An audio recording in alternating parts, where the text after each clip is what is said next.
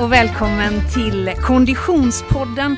Vi är framme vid avsnitt nummer 25 och eh, dagens och veckans ämne är intervallträning. Därav har vi en gäst i studion. Hej Annika Sjö! Hej Frida! Och hej Oskar Olsson! Hej Frida! Hur är läget? Det är mycket bra. Härligt. Du, eh, vi ska ju prata intervallträning med Annika Sjö alldeles strax. Men först ska vi bara konstatera att eh, Våran eh, sponsor, våran huvudsponsor är GP Pep, för vi är ju numera en del av Göteborgs-Postens hälsosatsning. Eh, och GP Pep det är en digital plattform där man kan få inspiration och pepping. Den är rätt så nyligen lanserad och Konditionspodden är ju en, en del av detta. Um, och, och, Annika, jag måste hoppa till dig direkt där, för du är också en del av GP Pep. Ja, jag har ett eh, eget lag där. Mm. Eh, Annika Sjös lag. Ja. så hör man det här så får man ju gärna gå med i Annika Sjös lag. Precis. GP Pep. Du, det här är ju relativt nystartat. Vad, vad har du för förväntningar på detta?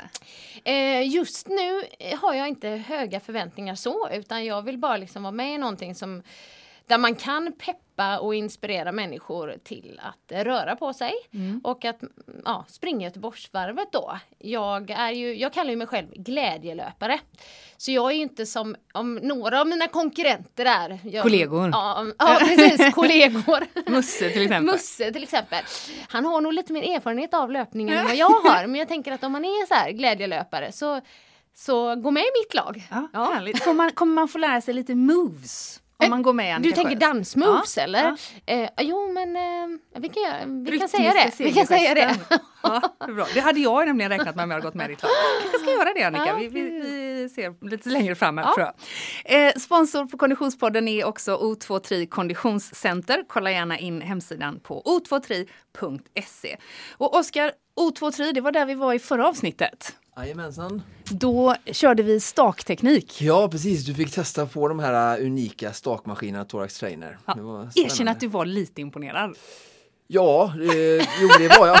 kan Säger han och kollar upp i taket. kan bero på lågt ställda förväntningar dock, kanske. Eh, Nej men... men... du tyckte det var roligt med allsidig träning, du fick prova liksom massa olika övningar och du var ju väldigt positiv så att, eh, jag tycker du skötte det bra. Tack så mycket. Jo men det, alltså just de stakmaskinerna var ju oändligt mycket roligare än de jag har eh, gett mig på på gymmet måste Precis. jag säga. Eller roddmaskin till exempel. Ja det är ju så fruktansvärt tråkigt men väldigt mm. effektivt. Mm. Eh, när vi nu är inne på då stakmaskiner och eh, roddmaskiner så kan vi ju hoppa rakt in i min absoluta favoritdel av den här podden, våran träningsvecka Oskar. Just det, just det. Hur har den sett ut? Eh, ja, jag är ju fortfarande brottas ju med mitt knä men jag försöker verkligen att eh, ta tillvara på ehm, eh, situationen som vi pratade om sist där jag eh, jobbar med mitt hjärta istället mm. eh, med Thorax Trainer. Så att jag, jag fortsätter med eh, tre pass eh, med VO2 Max eh, maximalt syreupptagsträning eh, för att utveckla den sidan hos mig. Mm. Medan knät fortsätter att vila och blir sakta men säkert bättre. så ehm, de har konstaterat nu att det är min ledkapsel ehm, som i knät som är lite inflammerat. Så att, ehm, jag är hoppfull och det, ja, jag kan ju fortfarande träna, simma och staka thorax trainer och jobba så att ehm, ja, jag är positiv. Och hur mycket har du gjort detta nu under träningsveckan? Ja, eh, en vanlig vecka nu då i Oskars eh, skadade knäs liv är eh, måndag, onsdag, fredag så är det ehm, två till sex minuters intervaller ja. med blandad vila måndag, onsdag, fredag. Och sen är det simning måndag till torsdag. och sen är det styrka på tisdagar och sen så är det fredag och lördag brukar vara distansträning då, eh, uthållighet eh, med rullskidor. Alltså vi hoppas att du blir frisk snart så du kan börja röra på dig igen Oskar. Så här kan vi inte ha det. Okay. känner du dig nöjd med träningsveckan som gick? Ja, jag känner mig väldigt nöjd. Jag hade faktiskt en ny toppnotering på min maxpuls som jag inte haft på 16 månader. Så det, det båda ju gott att man kan ta sig högt upp i taket för då, då blir man bättre. Men det är ändå där ditt fokus ligger. Det är inte så att du börjar träna biceps och triceps nu bara för att ont i knäna? Nej, Eller ont i knät? Det är som, som långdistanstriatlet så har man inte så stor nytta av stora biceps. Så Nej, att, det blir bara tungt helt enkelt exakt. att släppa runt på. Motor är lite viktigare. Det har du helt rätt i. Mm. Eh, och min träningsvecka? Ja, nej men det här. ja, jag följer dig noga på sociala medier och letar efter de här uppdateringarna. Men det är mycket vackra kläder och fina platser. men mindre svettiga lokaler, jo, Annika. Är det så Frida? Ja, så är det faktiskt. Mitt Instagram, frilansfrida heter jag där. Där får man gärna klicka in. Eh, och, Gå med i ditt lag. ja, det vet inte tusan förstås. Men och där under veckan som gick då så, så jag, jag har kört ett pass på gymmet. Bra. Det får man ändå vara nöjd med tänker jag. Det var eh, eh, 5000 meter rodd. Ja. Det tar mig 27 minuter ganska exakt. Eh, tar det 27.30 så blir jag väldigt irriterad, men det kan ändå leva med. Eh, det körde jag då ena dagen. Sen satte jag mig på X2000 till Stockholm och det var Fashion Week. Och eh, hur gärna jag än vill så kan jag inte ens tänka tanken på att få in ett träningspass under den här perioden. Jag såg 30 visningar på tre dagar. Jag hade tänkt så här bara wow, gött, då bor man på hotell, finns frukost dukat, bara upp klockan fem, kör en timme på gymmet, frukost, förbereda jobbet och sen tsch, iväg. Och det är där vi skiljer oss åt. Ja, ja, ja. Du står och sminkar. Och... Nej, så jobbar jag nej, inte heller ska jag säga dig. Men, men eh, nej, eh, jag har inte tränat under Fashion Week överhuvudtaget. Mer än då det maraton i högklackat som det ändå blir. Just det är ju inte så att jag, eh, det är inte så att man sitter still direkt. Utan skämt åsido så är det ju ett, ett jädra race faktiskt. Mellan visningar. Eh, du har hört saken också att då, om man nu tittar på de här bilderna eh, och man inspireras av detta och ser då att jag har väldigt, väldigt höga klackar i många sammanhang så har jag även då sneakers i handväskan. Så att jag wow. springer mellan visningarna i sneakers. faktiskt. Eh, men så att eh, ett pass på gymmet och ja. ett antal eh, catwalk-besök bra. blev träningsveckan. faktiskt. Mycket bra. Annika, du ska inte behöva redogöra för din träningsvecka, för du är ju faktiskt gäst hos oss. Men, men, men välkommen till Konditionspodden! Ja, tack så mycket, väldigt roligt att vara här. Oskar, han var lite sen. Ja. Men... Eh, jag skojar. Annars är det kul att vara här. ja, ja, som sagt, jag ska bjuda er på lunch allihopa. Ja, ja, ja. Det låter bra. Men du Annika, mm. du är ju eh, för många eh, motionärer och konditionsintresserade eh, långt ifrån en gröngöling. Du har varit eh, aktiv idrottskvinna i hela ditt liv. Ja, det är roligt att du säger det för att alla räknar ju inte dans till idrott eller Nej. sport. Men det gör jag i allra högsta grad och jag har tävlat väldigt mycket i det också. Så att eh, det var kul att du säger så. Mm. Ja, den som har försökt dansa med dålig kondition, den ja. har inte varit särskilt länge kan man tänka. Nej, det är väl, alltså, dans är en fantastisk träningsform måste jag ändå säga, även om inte jag dansar mycket nu mera. Men man tränar ju allt. Mm. Kanske inte så mycket styrketräning i och för sig, men eh, mycket kondition, balans, koordination. Mm. Det finns mycket inom dans. Rörlighet också såklart. Många känner ju igen dig från Let's Dance där du var eh, eh en av husdansarna i hur många säsonger? Jag har varit med i fyra säsonger, men eh, där en eh, var en sån här jubileumssäsong som var lite kortare också. Just det. Men jag dansade 2007, 2008 och 2009, eh, vilket ju var det bästa året då. Ja, just det. Det var då, det var då du vann, va? Ja, äntligen liksom. Ehm, jag kom ju tvåa med Tobbe Trollkarl första året, tvåa med Tony Rickardsson. Och sen vann jag ju då med världens starkaste man, Magnus Samuelsson. Just det. Ja. Har han vunnit Let's Dance? Ah, och det visste du inte! nej, nej! oh, grymt. Det måste ju vara en otrolig utmaning att få den mannen att eh, dansa vackert. Det var ju imponerande.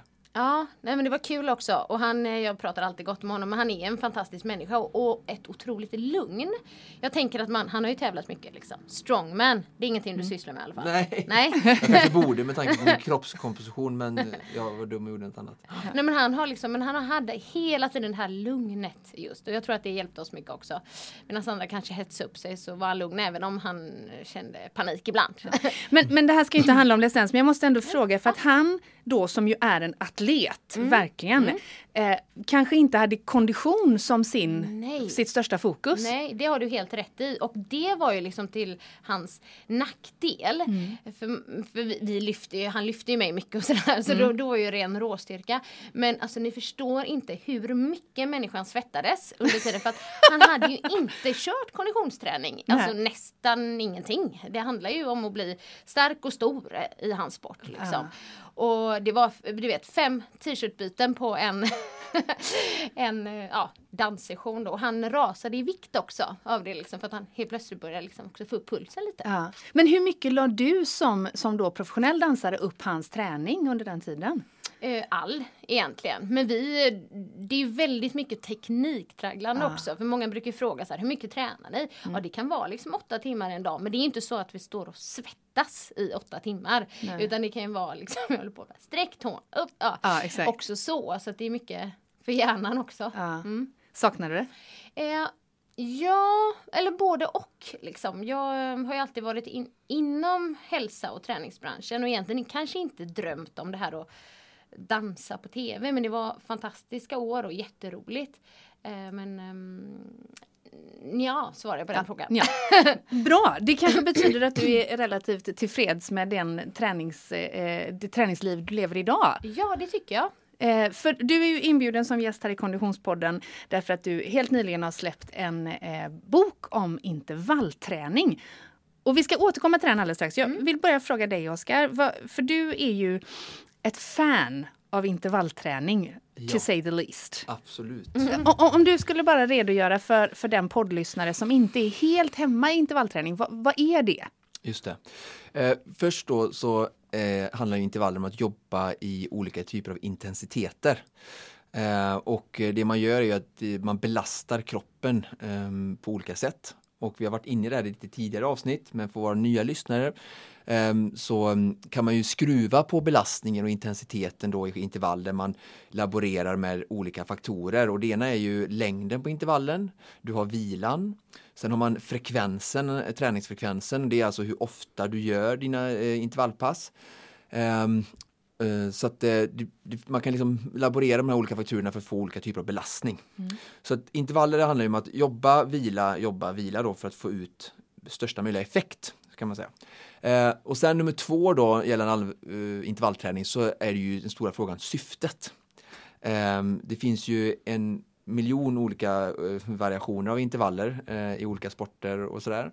Eh, men det man måste, varje person måste fråga sig då om man ska kunna liksom ta vidare diskussionen det är att vad vill jag bli bättre på och vad är syftet med intervallerna? Mm. Så, och då när man vet det så kan man liksom lägga sig mer eller mindre i olika då zoner. Eh, för man kan ju köra korta hårda intervaller och så kan man köra långa lång, lugnare intervaller. Okej. För att, eh, så. Och kanske för att nämna någonting som blir lite nördigare också för våra liksom verkligen nördiga lyssnare så handlar ju i grund och botten varför man gör intervall så handlar det ju om kondition.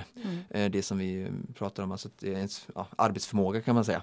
Och då har man tre delar man brukar prata om. Eh, Och det ena är den aeroba effekten som är ditt maximala syreupptag. Så det är liksom lite, folk kanske känner till med lite kortare intervaller. Sen har du eh, nyttjandegrad, det är den andra av tre faktorer. Eh, och där är alltså hur hårt man kan jobba under en längre period. Till exempel Göteborgsvarvet som många av oss ska springa. Och sen har vi eh, arbetsekonomi. Och det har mycket med eh, eh, tekniken att göra och sånt då. Och då är man, eh, kanske pratar man lite mer distansträning och teknikträning och sånt då. Men de tre samlade eh, blir liksom de bestämmer hur bra du kommer prestera i respektive idrott. Det kan vara i dans också. Jag, jag själv, som jag sa till Annika innan, tävlade lite i bugg när jag var ung eh, på en väldigt nybörjartestnivå bara så. Men det är ju samma i alla idrotter, även åker skridskor och hoppar och liksom här, som är um, duktiga isprinsessorna gör och sådär. Att, att man blir, ju mer man övar någonting, ju Mm. bättre blir man i sin eh, alltså rörelseekonomi.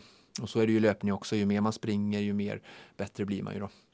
Mm. Så de här tre faktorerna är väldigt ehm, viktiga att ha med sig då när man ehm, jobbar med intervallträning tycker jag. Ja.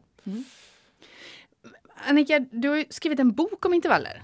Ja, tillsammans med min eh, fantastiska make Just det, som heter... Mikael Hansson Sjö. Precis. Ja. Varför kommer det sig att den här boken kom till? Ja, dels så är det så här. Jag tänker att många tänker att intervallträning alltid bara handlar om löpintervaller också. Men den här boken, den innehåller inte löpintervaller utan det här är intervallträning i olika sorters intervaller med både puls och styrka. Vi tyckte att det fanns ett behov. Vi har tidigare släppt en bok om hemmaträning. Det är jättepopulärt men vi tyckte att det fanns ett behov med människor som går till gymmet och så är man där och så vet man inte vad man ska göra. Så därför har vi satt ihop, eller framförallt min man eftersom det är han som är den personliga tränaren. Eh, pass som man kan ta med sig till gymmet som då är eh, intervallpass med både puls och styrka korta, intensiva, effektiva skulle jag säga. Mm. Men jag själv har ju liksom verkligen fått en så här revolutioner eller liksom en aha-upplevelse just när det gäller intervallträning. Dels när det gäller löpintervaller men också med puls och styrka. På, på vilket sätt då? Nej men jag har ju tidigare då, eh, okej okay, nu utgår jag först ifrån puls och styrka, ja. liksom att man även belastar kroppen med vikter och så. Eh, kommer från dansvärlden, mm. det är ju mestadels kondition men också där liksom belastning på kroppen i form av yttre belastning, mm. vikter och så varit lite tabu. Just för att man ska vara så smal och man ska vara så slank. Jag skriver ju det i boken mm. här också.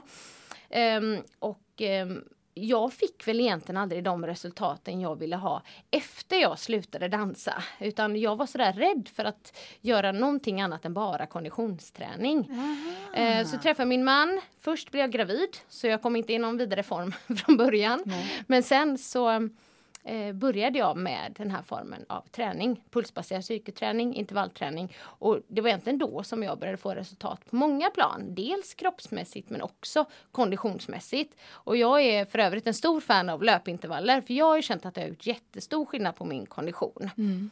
Nu babblar jag på här, men nej, någonting nej, som är väldigt vanligt som du säkert också eh, kan skriva under på det är att man springer liksom samma sträcka vecka ut och vecka in och mm. så undrar man varför man inte blir bättre. Mm. Och när man då kompletterar till exempel med intervallpass så jag i alla fall märkte väldigt stor skillnad direkt. För jag, jag, som är då eh, varken ett fan eller särskilt erfaren på intervallträning, jag, jag ser ju typ så här mardrömsbacken i Skatås framför mig. Bara, och, så, och, och, är tillbaka i, i, tanken på att man bara kör tills man kräks. Att det är liksom det, att med så max max-tanke på intervaller mm. bara. Mm intervaller kan ju vara spyjobbiga. Ja. Ja. Men eh, så som vi gjort här har det varit så att man ska kunna anpassa det att alla ska kunna träna mm. intervallträning för man kan träna ut efter sin egen förmåga. Eh, när man jobbar då liksom i en viss intervall så den som är mer tränad kan ju exempelvis den kanske gör fler repetitioner eller gör lite tyngre här. Eh, Medan en som är nybörjare inte gör det i samma tempo eller med samma belastning så att mm. man liksom kan anpassa det. Mm. Jag tror ju att tids... Alltså, det som gör att många tilltalas av intervallträning är just att det också är tidseffektivt. Åh, oh, det gillar vi. Eh, ja, det gillar ja. man ju ändå. Att man kanske liksom inte behöver eller man kör inte intervaller i två, tre timmar. Eller kanske du gör det i och för sig. Oskar bara småler och nickar här. Ja. Men vad skulle du säga Oskar, vad är det vanligaste felet om man kan hitta ett sånt eh, som man som eh, motionär och kanske lite mer än motionär då, för jag tror att de flesta av våra poddlyssnare har ju kommit förbi klassiskt motionärstadie och, och är konditionsintresserade. Vad är det vanligaste felet man gör när man ger sig på intervallträning? Eh, ja, vi var inne på det här lite eh, när vi pratade om träningsupplägg och eh, då är det ju så att man, om man tittar på de här makrocyklar och som sträcker sig över liksom ett år och liksom man, Först måste man ju åt, utgå från målet, vad som mm. är målet. Om vi, om vi bara har de här motionärerna som du pratade om, då mm. handlar det bara om att, att antal pass som blir av är ju bra. Mm. Och då är ju liksom, gör man två pass i veckan så är det kanske man ska prioritera och göra intervallträning eh, och som, som Annika säger att det är effektivt. Och så där. Har man lite större mål mm. med sin träning som du säger de här konditionsnöda som vi har så tror jag att ett vanligt fel är att ett, man lägger inte grunden. Nej. Man behöver göra, alltså många de kommer från en, eh, de har tränat dåligt kanske lite fast de har gjort som Niklas, vår producent, där att de har varit duktiga en gång och sen så har de jobbat mycket och så har det inte hänt så mycket träning och sen så går de på och ska kickstarta. Och då vill vi ha så snabbare resultat och sånt där och då är intervaller, liksom, man får mycket pang för pengarna så att säga. Mm, mm men då blir de ofta skadade eh, för att de har inte lagt den här grunden innan. Då. Det är väldigt viktigt. Så om man tittar på, det är alltid bra tycker jag att relatera till elit för de baserar liksom sin träning på forskning och sådär. Och Charlotte Kalla hon tar fyra veckors stopp och sen så lägger hon en grundträning då hon inte kör några intervaller utan lägger en bas. Och sen så lägger man liksom puff, puff, puff, på liksom belastningen på kroppen därefter mm. och liksom bang, bang, bang. Um, så successivt då den här progressionsprincipen som finns i träningsläran. Um, och vi var lite inne på detta sist. Då, så att, uh, men det tror jag är det vanligaste felet, att man liksom kör för hårt med mm. intervaller in, alltså från dag ett om man har, varit mm. ett, har tränat lite under period. Då. Och det gäller liksom att uh, smyga igång det. Um, och uh, ja du, vi vet ju mitt knä och ja. vi pratar om det här, liksom, vi kommer att prata om det faktiskt nästa avsnitt, lite mer om skador och sådär. Liksom, så, så. Vad effekterna kan bli av det mm, då ja. Mm, mm. Men kan vem som helst börja med, med intervallträning eller måste man då vara extremt vältränad? För du säger ju det att skaderisken är större för den som då kanske har eh, legat på sofflocket och käkat praliner ett tag och, mm. och, vill komma igång. Eller, men kan man, kan man inte då sänka effekten av intervallträningen eller alltså att anpassa den till att man inte är så Jo, absolut, absolut kan man göra det. Um, jag kan inte låta bli att eh, inte gå tillbaka till liksom, vad är målet med min träning. Nej. Det är så himla mm, viktigt. Mm, mm. Och eh, jag tror att om vi pratar, vi måste skilja här igen då på motionär, motionär och de som kanske springer Göteborgsvarvet för andra, tredje gången och vill prestera eller någonting. Mm. Eh, så är man motionär, motionär så är det, är det ett jättebra sätt tror jag att lura kroppen, hitta motivation, glädje i träning, att dela upp det i små liksom, intervaller för att få eh, ja, som sagt glädje och stimulans under passet istället för bara köra 50 minuter i samma grej och samtidigt som man skrämmer upp pulsen. De här personerna kommer säkert inte nå de här äh,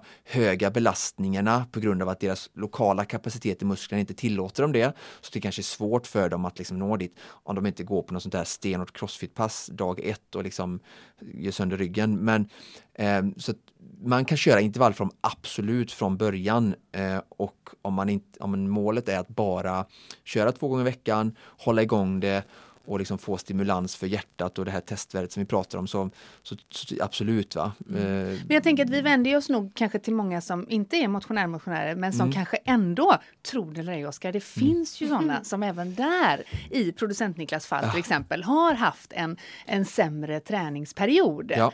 Eh, och, och, och, hur ska man tänka då om man ska starta igång intervallträning? Ja, man ska ju Ja, då ska man ju göra en, en bas som vi pratade om i mm. träningsupplägg sist då, som jag beskrev där, får ni lyssna på det avsnittet. Eh, och sen när man gjort det så ska man börja träna intervaller, jättebra.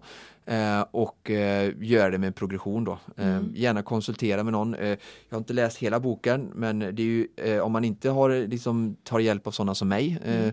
och får hjälp och, och, stöttning eller PT som Mikael Hansson Sjö här i boken så är det ju bra att få inspiration, lite vägledning sådär.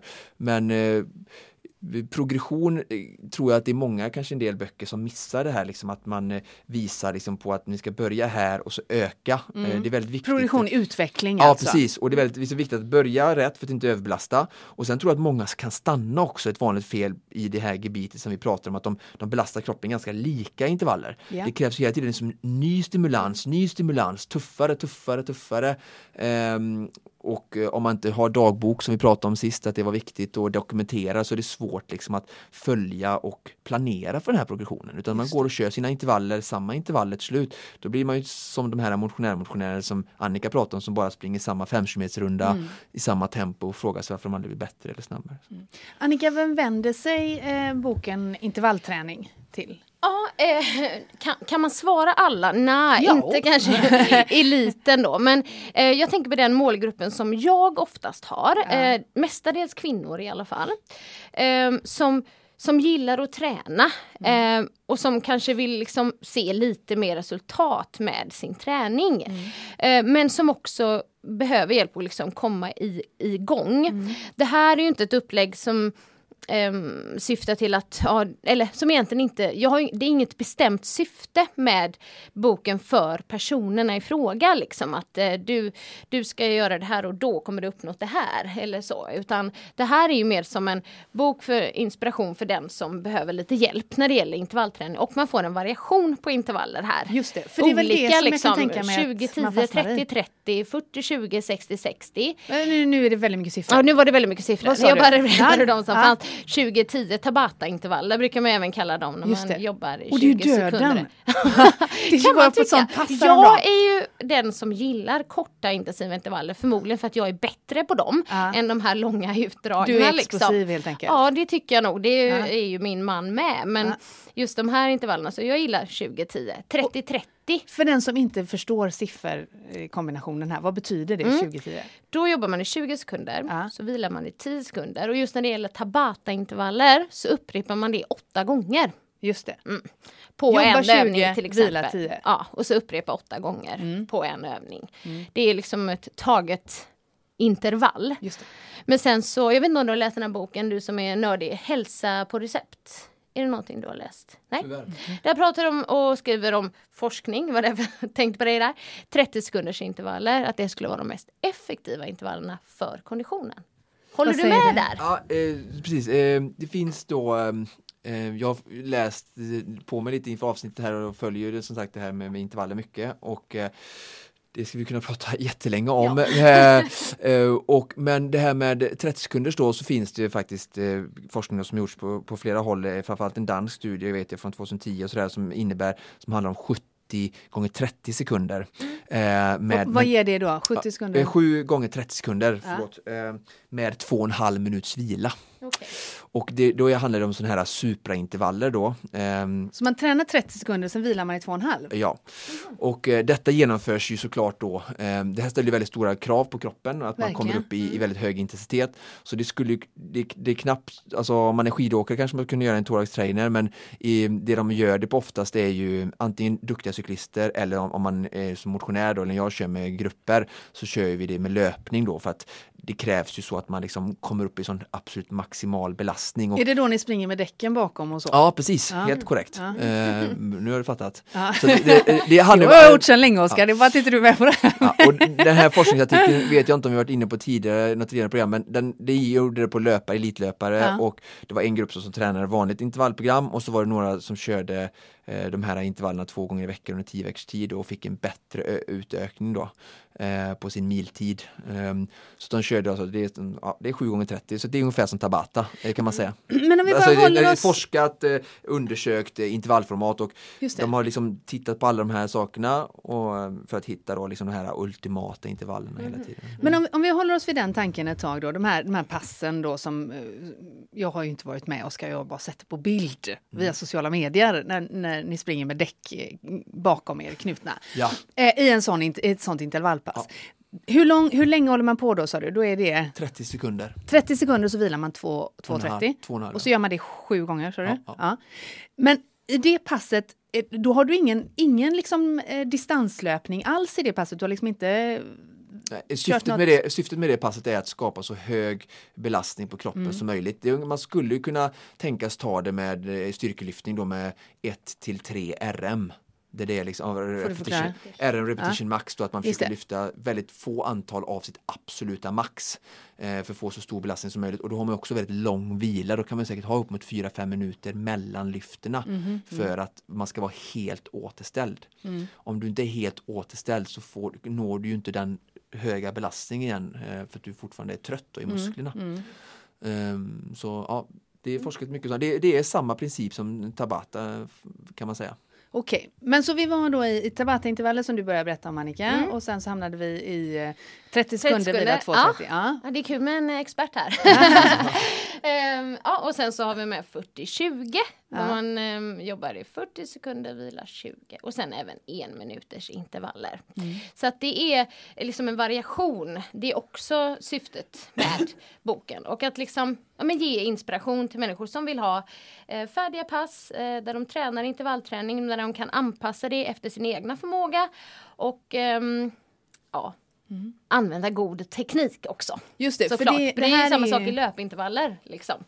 Ehm, för att använder man också fel teknik och så, så är det lättare att skada sig.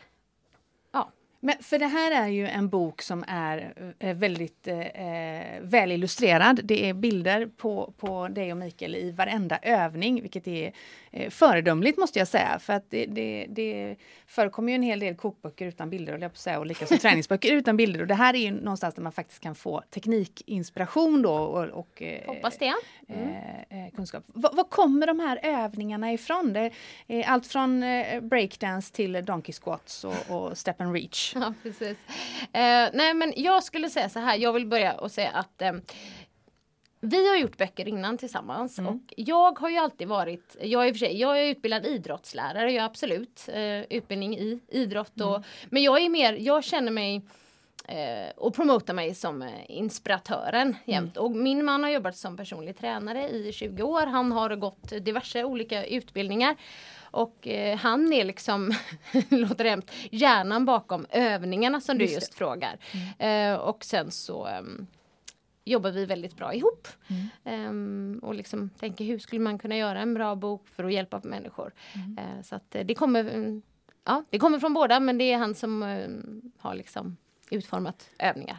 Men och jag antar att det är olika övningar i olika delar av passen här mm, nu då? Vissa, oj, vissa övningar eh, återkommer. Mm. Så att eh, det, ja, du, du kommer kunna göra samma övning i något annat intervall också. Mm, okay. det, men eh, det är varierande i alla fall.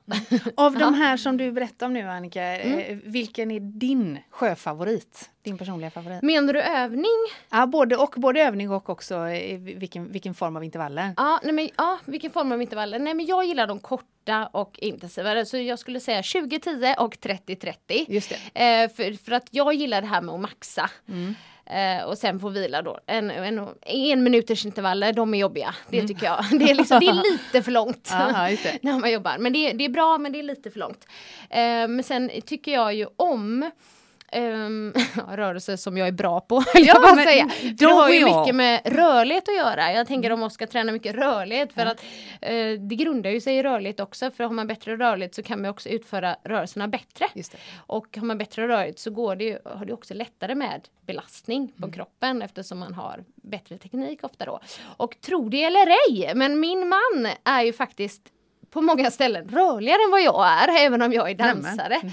Ja, jag är väldigt rörlig i höfterna, men som till exempel squats eller vanlig knäböj.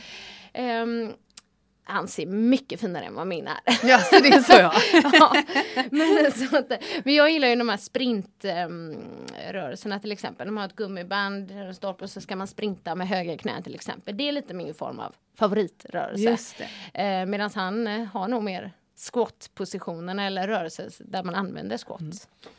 Ja, eh, rörlighet kör jag ju såklart jättemycket och det är ju jättebra grej och styrke, många styrkelyftare, folk som är vana vid styrkelyftare är ju precis som Annika säger väldigt rörliga, speciellt i bröstrygg och sådana saker och i baksidor för att kunna eh, så. Och rörlighet påverkar ju jättemycket arbetsekonomin som vi pratar om den här tredje delen i kondition. Så att mm. rörlighet är jättebra, styrketräning är jättebra, den här donkey squat som jag hittade här i boken är ju en jättebra övning. Mm. Um, så att um, ja, jättebra um, med sådana här typer av övningar för alla typer av konditionsidrottare för att uh, helt enkelt få bättre rörlighet. Mm. Vad för slags intervaller eh, föredrar du Oskar? Om man nu tar tidsuppdelningen där? Eh, ja, då kommer jag återigen då som nörd då in på så här, vad är syftet? Ja, men om, du tar, om, om, vi, om vi går till Oskar Olsson som person. Ja, som person. Ja. ja, och då är det så att då kör jag ju också i ett väldigt stort spektrum med ja. där jag har olika fokus. Eh, men det man kan säga så här då för att ge någon hint är så att om du har en övning eh, som du vet den här är bra för detta. Yeah. Då vill du ju sätta ett intervall på den eh, som är eh, inte för långt så att du tappar teknik och tillräckligt långt för att du ska bli trött och, så att du får ut effekten. Um, och då måste man gå in och titta specifikt anser jag på övning till övning. Um, att köra marklyft i, i, i, 60 sekunder kanske kan vara liksom tufft um, för det är en tuff övning och samma sak knäböj, stå och göra knäböj i en, en minut kan också kanske vara tufft uh, om det är tung vikt och sådär. gör man um, upphopp på box sånt där utan vikt till exempel då kan det vara jättebra med en minut för att då orkar man ju som hålla ett bra tempo hela minuten. Eh, så att man får lite gå in tycker jag på återigen syfte och specifik övning för att kunna mm. ge ett bra svar. Eller jag känner det. Ja. Om, om, vi avslutningsvis ska... Jättebra bok. Ja men tack. Jag skulle säga också att eh, ibland när man pratar så kan jag känna att, inte att man blandar ihop, men skiljer ändå på löpintervaller och eh, de här sortens Exakt. intervallerna för att löpintervaller kör jag med. Eh, jag, jag älskar att göra det men det är bara för att jag gillar det här med liksom att ta ut mig också. Men mm. det är mm. ingenting jag gör varje dag för det är också stor belastning på min kropp. Jag håller på och nu kör ett upplägg inför Göteborgsvarvet som min man har gjort till mig och det är också löpstyrka och det är rörlighet och allt det där som man måste liksom. Men här har du puls och styrka med alltså yttre belastning också i vissa rörelser. Just det, intervallträning 20 effektiva pass för gymmet heter boken. Men om vi avslutar där du just nu är, det vill säga mm. i löpintervaller. Eh, för eh, eh, låt säga att man som lyssnare nu då eh, inte är en motionär-motionär utan man har eh, högre ambitioner än så. Man har tränat mycket, man kanske har lyssnat på Konditionspodden ända sedan den startade och är nu så inspirerad att man inte vet var man ska ta vägen. Eh, och, men man har kanske ändå trots allt inte, eh, liksom, man är inte på sin maxprestation. men man vill springa Göteborgsvarvet. Vad för slags löpintervaller föreslår ni att man ger sig på?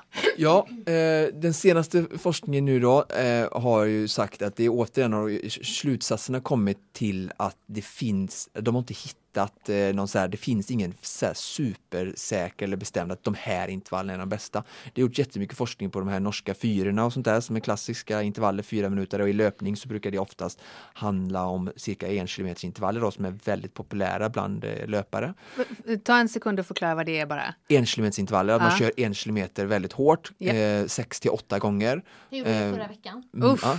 med, med allt ifrån en till fyra minuters vila beroende på vad man vill få ut av passet. Just det. Men ändå så säger den samlade forskningen nu i den senaste eh, artikeln jag läste att 3 till 7 minuters intervaller är det som man säger är det, har det största effektiva eh, på det maximala syreupptaget. Och det är ju liksom att, som vi pratade om testvärde och det var den siffran som du fick på vårt sista cykelkonditionstest som var relativt hög och långt över svenska snittet och hälsogränsen. Så, Hon är så nöjd nu. Ja, Ehm, så till våra lyssnare vill jag skicka ut då att vill du höja det, vi pratar om tre, jag recappar här, vi pratar om tre delar, vi pratar om maximala syreupptaget som är liksom den inre motorn och den centrala hjärtat som jobbar eh, med blod, eh, volym och sådär. Och sen har vi den nyttjandegraden. Eh, vi pratar om alltså hur långt du kan hålla på i större arbete. Då måste du hålla på med längre intervaller. Då pratar vi om 10 till 20 minuters långa intervaller. Det kan vara 2 till 4, 5 kilometer långa i löpning. Och sen den sista var ju arbetsekonomin då, där vi pratar även om rörlighet men även då att man har distansträning.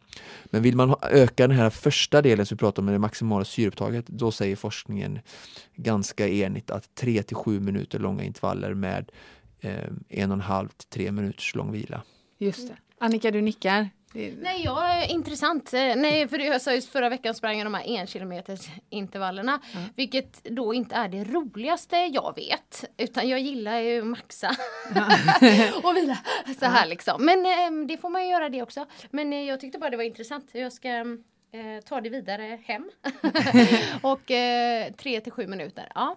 Mm. Och så är det, det Och hur forskningen snabbt då tänker jag. Ja, liksom. precis. Ja, det, det snabba är att man pratar då att när man gör de här VO2max så ska man ligga mellan 92 till 100 procent av sin, sitt syreupptag. Och då måste man ha gjort ett test för att veta vad ens syreupptag är.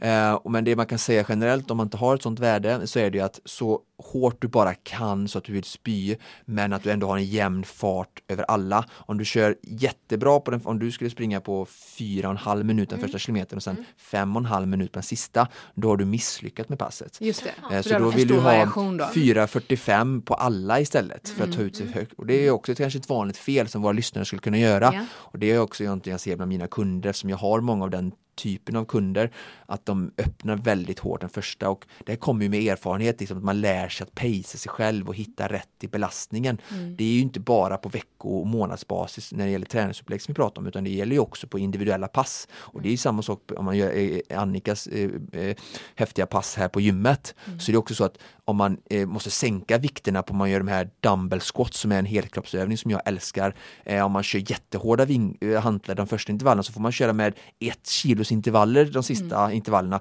Då har man ju tappat effekten för egentligen kanske man skulle klara åtta intervaller på sex kilo men bara för man börjar på 10 kilo så liksom får man inte den träningseffekten på de sista intervallerna för att man gick ut för hårt. Så att de här intervallerna är ju liksom så hårt man bara kan och då pratar vi om 92 till 100 procent av syreupptagsförmågan. Och så, men, men så hög belastning man kan och, och så jämnt och så har man ju ganska lång vila då för att kunna liksom känna att man är fått ner pulsen till 120 eller någonting innan man går igen. Får, jag, får jag ställa en fråga? Ja, oh, ja, oh, ja. Jag undrar vad du säger eller om stegrande intervaller. Om man, ja, alltså, mm, då tänker jag att det går snabbare och snabbare på samma tid. Eller ehm, ja, jo, men det är det jag vill fråga dig om. Har du forskning om det? Ja, just det. Eh, Du menar alltså att om du skulle springa långsamt på en kilometer i början och sen öka jättefort i slutet men ändå komma in på 4.45? Det behöver inte just vara 4.45. Nej. Vilka- Jag tänker så här, om ibland så kör jag 30 sekunders intervaller. Och då kan jag börja på liksom ett väldigt långsamt tempo. Och sen så öka, öka, öka. Så i slutet är det asjobbigt. Liksom. Eh, vad säger du om dem? Ja, det, det ska man kanske kunna kalla för ett stegningslopp då. Eh, för det, du stegrar ju under hela intervallen. Och sådana intervaller använder ju elitmänniskor eh, för att eh, i del av sin uppvärmning inför en tävlingsprestation. Så där finns det forskning på att det är ett väldigt bra sätt att värma upp för ett Göteborgsvarv till exempel. Men om du skulle bara springa en 30 sekunders intervall så skulle jag säga att du ska ha så hög fart du kan från början och hålla den hela intervallen. Okay. Att det är det störst träningseffekt. Mm. Mm. Så inte stegra under intervallen så det, då kanske om man, man skulle kunna göra sådana intervaller gör man ju ibland eh, med negativ split som det heter då att man springer kanske 2-3 kilometer, att man börjar lugnt och så avslutar man och det blir en typ form av fartlek där man då tränar man mer utnyttjandegrad skulle jag säga som vi pratade om den ena faktorn där liksom att öka sin uthållighet och sådär. Mm. Då kan det vara bra att springa liksom 3 kilometer med en stegande fart där det slut går det fortare då. Men inte på några korta syreupptagningsintervaller, då, då är det liksom jämn och hög fart som mm. gäller. Har du fått svar på frågan? Ja, ja. intressant, tack. jag känner att den här diskussionen kommer att kunna eh, fortgå långt in på lunchen, men vi ska trots allt eh, släppa våra konditionspoddslyssnare. Eh, avslutningsvis Annika, om man eh, joinar ditt team på GP Pep, ja. eh, kommer man få eh, intervalltips också då fram till Göteborgsvarvet? om jag vågar ge det nu? Ja. Nej, jag skojar bara. jo, men eh, det kan jag väl säga. Eller jag, kan, jag tänker så här att jag kan ju dela med mig av eh, de jag springer. Mm. Och, eh, men glöm inte löpstyrkan och rörligheten. och sen så pratade vi lite faktiskt om det i förra avsnittet här när vi presenterade GPP på det här teamet och du frågade med min favorit var och det är klart det. att jag sa Musse och sådär men så lyfte jag ju fram Bingo Remer och de andra namnen för att mycket av det här är ju, precis som den här boken, handlar mycket om inspiration och motivation och hitta eh, personkemier som man passar med. Och du har ju många, liksom, så mycket erfarenheter som tilltar en viss del typ av människor. Eh, så man måste inte alltid ha expertisen utan den finns ju säkert, eller den finns liksom mm. i, i gruppen bakom teamet att tillföra i så fall så att man får rätt. Utan jag tycker att man ska välja en person som man känner, det här har mycket gemensamt med den här personen och då kommer jag hitta mycket glädje och inspiration från, från hon eller han. Mm. Där även Bingo säkert förhoppningsvis kommer att tilltala många och Annika Sjö på vissa och, och sådär. GP att, Pepp handlar om pepping helt enkelt. Exakt! Underbart! Jag måste bara sista ja. fråga här. Uh, om man vill följa dig Annika, jag hade ju skämdes ju lite här för jag inte hade stenkoll på Nej, Annika Sjö. Uh, alla, men alla i min närhet har liksom bara skrattat och sagt att vet inte vem det är. Ja. Uh, men vad, vad, kan jag följa dig nu om jag vill liksom hänga på dig här nu i, i vimlet? Ja, Som jag följer Frida. ja, precis. Ja. nej men då kan du följa mig på Instagram där jag heter Annika Show 81. Det var någon som hade tagit Annika Sjö. Ja. Så att eh, jag fick ta även mitt födelseår där på slutet. Så Annika Sjö 81 på Instagram. Ja, precis. Ja. Så kan du följa mig på Facebook, Annika Sjö, hälsoinspiratör. Ja, ja. där ser man. Och gilla sidan och blogg också, men det är på min hemsida då, annikasjö.se. Ja, så att Spännande. Eh, då kanske du kan om du vill. Ja, ja, ja, ja. Inspiration Oskar. Man kan lära sig från alla. Ja. Underbart. Detta var avsnitt nummer 25 av Konditionspodden. Tack så mycket Annika. Tack. Tack så mycket Oskar. Tack Frida. Eh, nästa vecka kommer vi att fokusera på Oskars knä. Inte specifikt just Oskars knä utan eh, skador och sjukdomar och hur man får ihop sitt träningsliv med detta. Eh, kom, Konditionspodden produceras utav Fredag Kommunikation, Connecting Brands with People. Tack så mycket. Hej då!